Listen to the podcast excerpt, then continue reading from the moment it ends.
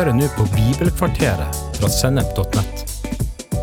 Bibelkvarteret er én kvarters påfyll i hverdagen fra Guds ord, både til inspirasjon og introduksjon til viktige temaer i Bibelen. Du vil også finne mer stoff på Sennep.nett som gir deg inspirasjon til å følge Jesus i hverdagen. Følg oss på Facebook og Instagram, og abonner på våre podkaster i Spotify, iTunes, Google Podkast, YouTube eller i den podkastappen som du bruker. Det kristne livet det er et liv i tro. I møte med ondskap, katastrofer og urettferdighet så opplever mange at troa sine grunnvoller blir rysta. Det de har trodd på og håpa på, viser seg å ikke stemme. I dette bibelkvarteret så skal vi se nærmere på de her troens paradokser. Eh, som vi kan si det litt fint. Og, og hva Bibelen sier om å leve i tro i møte med det som er vanskelig å forstå. En sak har alltid flere sider. Av og til så kan kristne tendere til å gi litt sånne enkle, ensidige svar på kompliserte spørsmål. Når katastrofer skjer, så dukker det av og til opp en eller annen pastor eller kristenkjendis som forteller avisene at det som skjedde, det var Guds straff. Eller når kristne rammes av ulykker, så spør de seg kanskje hva galt har jeg gjort siden det her har skjedd med meg? Og Det kan føles litt enklere å forholde seg til verden i, i svart og hvitt enn i farger. Men å forenkle virkeligheten, det er ikke bibelsk. Bibelen er ikke sånne karikerte fortellinger med enkle forklaringsmodeller. Nei, bibelsk virkelighet den er sammensatt. Og den som leser Bibelen, føres inn i en verden med mange paradokser. Helt uten unnskyldning så presenteres vi for motsetninger og så sånne tilsynelatende uforenlige perspektiver som ikke blir fullt ut forklart for oss. Det er akkurat som om Gud ønsker å bringe oss ut over grensene for vår menneskelige forstand. Ut av den vanntette logikken, ut av den perfekte argumentasjonen. Filosofien, teologien og naturvitenskapen er nyttig og gir mange svar, men i møte med de største spørsmålene i livet så kommer egentlig mennesket til kort. Eh, men Gud, han er alltid tilstrekkelig. Sjøl den viktigste fortellinga i Bibelen, nemlig evangeliet om Jesu død og oppstandelse, er full av sånne litt uforenlige paradokser. Jesus han sier at Gud elska verden så høyt at han gav sin egen sønn for verden. Evangelisten Lukas forteller oss at Satan for inn i Judas, slik at han forrådte Jesus og overga han til de som ønska han død. Peter han anklaga de jødiske lederne og Israels folk for å være skyldig i Jesu korsfestelse. Men evangelistene, de som skrev evangeliene, de gjør det klart at det var romermakta, som da var representert ved Pilatus, og de romerske soldatene, som var ansvarlige for korsfestelsen. Og som om ikke det var nok, så sier Jesus at det ikke var noen som hadde makt til å ta livet hans, men at han ga det frivillig på oppdrag fra sin himmelske far. Så hvem var det egentlig som sto bak korsfestelsen? Var det Satan? Eller Gud? Eller var det jødene? Eller var det romerne? Eller kanskje var den skyldige egentlig Judas Iskariot? Bibelens fortelling om Jesus' korsfestelse lærer oss å ta og omfavne det som tilsynelatende kan se ut som motsetninger, i tro til Gud. Paulus skriver at evangeliet ikke er mulig å gripe med den menneskelige fornuften. Det kreves tro for å forstå det. Så hvis du bare legger vekt på ett av perspektivene, så får du et unyansert syn på det som skjedde. Hvis vi bare legger vekt på at det er Satan, Satan som er grunnen til korsfestelsen, da blir jo korsfestelsen et nederlag for Guds rike. Da har kongen møtt sin overmann. Eh, Satan er sterkest. Men Paulus han sier akkurat det motsatte, nemlig at Jesus triumferte over djevelens her på korset. Dette sier han i Kolossebrevet kapittel 2. Å bare legge vekta på at korsfestelsen var villa og planlagt av Gud, gjør at vi mister et av Bibelens hovedpoeng av syne, nemlig at det er syndige mennesker som var årsaken til at Jesus skal livet sitt på korset. Men hvis vi sier at det både er mennesker, Satan og Gud som står bak korsfestelsen, så sprenger det all logikk. Og det her det er noe av kjernen i det å kjenne Gud. Gud han bringer mennesker ut av isolasjon, på en måte bak murer som vi har av kunnskap og visdom, der vi holder Gud på avstand, til at vi kommer inn i et nært fellesskap med Han ved troa på det som Bibelen kaller for evangeliet sin dårskap. Bibelen har en hel bok som er via til å se på livet fra et rent menneskelig perspektiv. I Forkynneren så tar kong Salomo oss med på en sånn ærlig rundtur i de uforståelige tingene i livet på jorda. Han observerer og beskriver den ene meningsløse situasjonen etter den andre. Det som er veldig sånn eh, slående i boka, det er hvor lite han prøver å forklare det uforståelige. Det er som om vi leser fortellinga til en mann som er kommet til slutten på seg sjøl. Styrke, makt, rikdom og visdom har ikke hatt kraft i seg til å løse de vanskelige spørsmålene i livet. Den rike kongen dør og begraves, akkurat som den fattige slaven. Den rettferdige rammes av ulykker, og den urettferdige går fri. Samme hvordan Salomo ser på livet, er det ting han ikke er i stand til å forstå. I kapittel 8 så konkluderer han Jeg så at mennesket ikke kan fatte det Gud lar skje, alt det som hender under sola. Hvor mye han enn strever og gransker, finner han ikke ut av det. Sjøl om den vise sier at han forstår, så fatter han det ikke. Dårlig teologi det begynner der Bibelen er taus. Men det robuste livssynet, det, det er ikke alltid logisk eh, perfekt. I møte med det som vi ikke kan forstå, så kan sjøl de beste forklaringene bli villedende. Når mennesker trekker slutninger om ting Gud ikke har sagt noe om, så ender vi ofte med et verdensbilde som kortslutter. Bare la oss ta noen sånne eksempler. Eh, vi kan snakke om et mekanisk verdensbilde. Det hevder at alt som skjer, har en årsak og en virkning. Mange mennesker tenker på denne måten her. Du kan høre folk som sier hvis Gud har all makt, og onde ting skjer, så kan ikke Gud være god. Eller hvis Gud er god og djevelen står bak all ondskap, da kan ikke Gud være allmektig.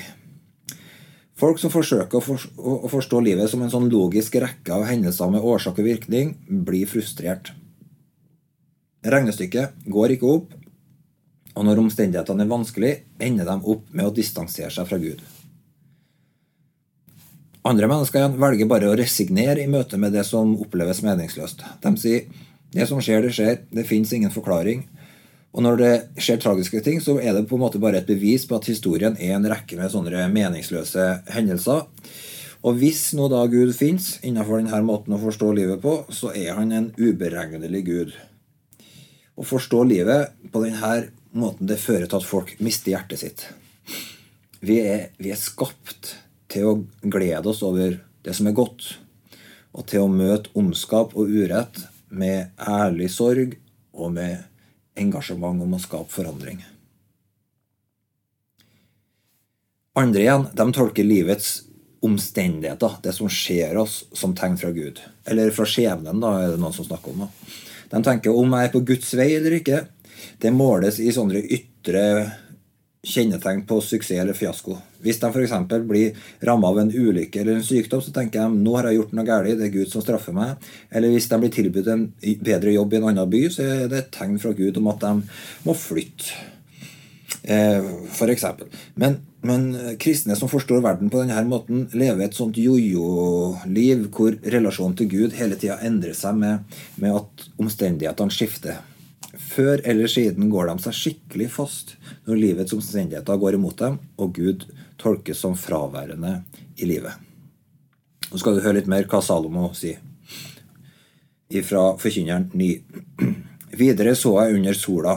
Det er ikke de raske som vinner løpet. Ikke de tapre som seirer i krig. Ikke de vise som får brød. Ikke de forstandige som blir rik. Ikke de dyktige som finner velvilje for tida, og uhellet rammer dem alle. Et robust livssyn må tåle det vi ikke kan forklare, uten å resignere eller bli kynisk eller bli svermerisk. I boka om profeten Habakuk så har Gud gitt oss et veldig godt eksempel på et sånt robust livssyn. Eh, et livssyn vi kan kalle et gudfryktig livssyn. Eh, profeten han lever i ei tid som er prega av vold og ødeleggelser. Han beskriver hvordan det moralske forfallet har gjort at hele samfunnet har forvitra, og at til og med rettssystemet er blitt korrupt og ute av funksjon. I møte med her omstendighetene klager han til Gud for å få svar. Det å klage sin nød til Gud, det er ikke å anklage Gud for nøden. Men det å utøse hjertet sitt til Gud eh, i forhold til de tingene som er vanskelig, det er en del av det å ha en nær relasjon til Gud. Det er en del av språket til troa vår. I første kapittelet i Habakuk så leser vi hele klagen. Denne klagen som profeten bærer fram for Gud. Og når han er ferdig med å utøse hjertet sitt, så lærer vi et annet element i den gudfryktige måten å møte livet på. Og Her leser vi fra Habakuk kapittel 2 og vers 1. Nå vil jeg stå på vakt, stille meg på min post og speide for å se hva han vil tale til meg, hva han vil svare på min klage. Så i stedet for å forsøke å forklare det som skjer, alt som er vanskelig, og prøve å liksom finne et logisk system, så vender han seg til Gud med et spørsmål. Og i stedet for å prøve å trekke konklusjoner på de tingene han ikke forstår, så er han stille og venter på svar fra Gud. Så et gudfryktig livssyn det lar hjertet falle til ro framfor Gud i møte med de spørsmålene som vi ikke finner svar på. Så da kan vi er for at Gud åpenbarer de tingene han vil åpenbare, også at han holder skjult de tingene han velger å holde skjult. Men at relasjonen vår til Gud det er mer grunnleggende for oss enn det å forstå alle ting. Når vi har et sånt gudfryktig livssyn, så underordner vi tankene våre under Gud. Vi takker Gud for det vi kan forstå, og så bærer vi fram for Gud i bønn det vi ikke forstår, uten å prøve å nødvendigvis forklare det. Men nøkkelen i det her, det er at vi stoler mer på Gud har en dypere relasjon til Han enn behovet vårt for å kunne forklare og forstå alt. Når vi leser om Havakuk, Havakuk da, så ble ikke han stående uten svar. Men Gud svarte han med bud om at han skulle straffe alt som var urettferdig, at han skulle utrydde ondskapen og fylle jorda med kunnskap om sin herlighet. I begynnelsen av kapittel 3 så begynner profeten å beskrive hvem Gud er. Han setter navn på Guds herlighet, storhet og frelsende makt. Og Bibelen viser oss at det, det viktigste vi kan vite om livet, det er sannheten om hvem Gud er. Jesus han sier at veien, sannheten og livet At han er veien, sannheten og livet. ja. Forståelsen vår av hvem Gud er, det må ligge til grunn for hvordan vi forstår alt annet. Og for å forstå hvem Gud er, så trenger vi åpenbaring fra, fra Bibelen, fra Guds ord, og fra Jesus, som er ordet som ble menneske. Hvis vi bruker sånne uforklarlige hendelser i livet til å prøve å forklare hvem Gud er, så kommer vi garantert på, på villspor. Når folk prøver å bruke alt det urettferdighet som skjer, til å si 'sånn er Gud', 'sånn er Gud', det er Guds feil, så ender de opp med et gudsbilde som ikke stemmer overens med Bibelen eller åpenbaringa vi finner i Jesus. Når vi leser om profeten Habakuk, så ser vi at han snakker om hvem Gud er, eh, ikke i av omstendighetene, men han kjenner Gud på tross av omstendighetene. Bare hør her hva han sier. Herre, jeg har hørt frasagn om deg og fikk ærefrykt for ditt verk, Herre. Gjør det i vår egen tid, gjør det kjent for tida er omme. Guds herlighet dekker himmelen, jorda er full av hans pris, glansen fra Han er som lyset, stråler går ut fra Hans hånd. Så et gudsfryktig livssyn holder fast på hvem Gud har sagt at han er, uansett omstendighet i livet. I slutten av boka til Habakuk så ser vi at han er kommet fram til et nytt punkt av tro. Det er ikke sånn at han står og fornekter liksom de triste omstendighetene, men han har åpna troens øye og festa blikket sitt på Gud. Og de tre siste versene i boka det er et sånt fantastisk vitnesbyrd om ei tru som har tatt Habakuk inn i fellesskapet med Gud, uansett hva som skjedde rundt den.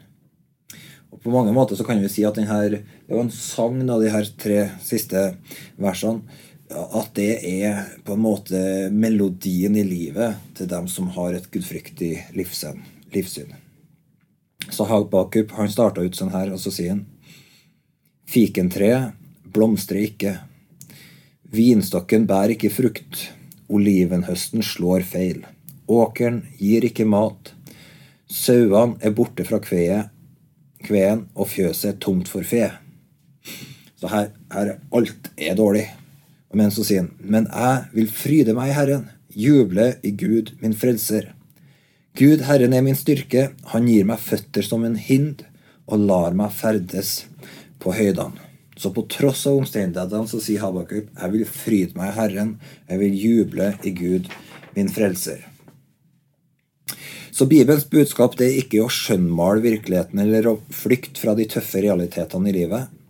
Men i møte med meningsløs urettferdighet, ondskap og ulykker så gir Gud oss evangeliet om sitt rike.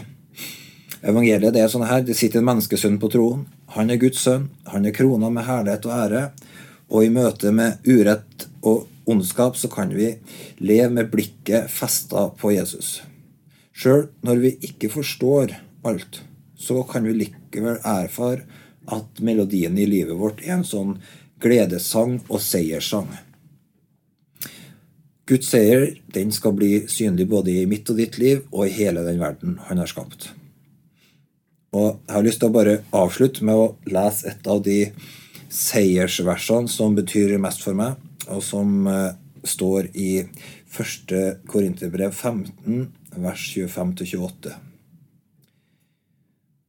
For han, altså Jesus, skal være konge helt til Gud har lagt alle fiender under hans føtter. Men når alt er underlagt han, skal også Sønnen sjøl underordne seg Gud, som har lagt alt under han, og Gud skal være alt i alle. Amen.